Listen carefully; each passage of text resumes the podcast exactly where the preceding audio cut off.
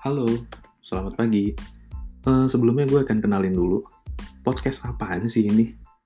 Oke, jadi gini, eh, buat lo yang ingin tahu tentang kehidupan dan keseharian di perusahaan startup, or yang biasanya tenornya sekarang itu disebut perusahaan digital ya, khususnya kehidupan di tim produk nih.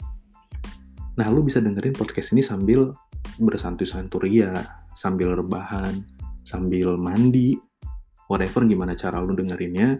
Intinya kita akan berbagi pengalaman-pengalaman positif. Hmm, insya Allah kita akan selalu usahakan positif ya. Dengan bahasa yang ringan, lugas, hmm, garing, dan pastinya uh, santuy. Oke. Yang pasti jangan berharap kualitas suaranya bagus banget dan profesional. Jadi jangan kaget kalau nanti ada suara-suara ayam, tokek, knalpot racing di tengah-tengah podcastnya ya. Oke, stay tune ya. Tunggu kehadiran kita.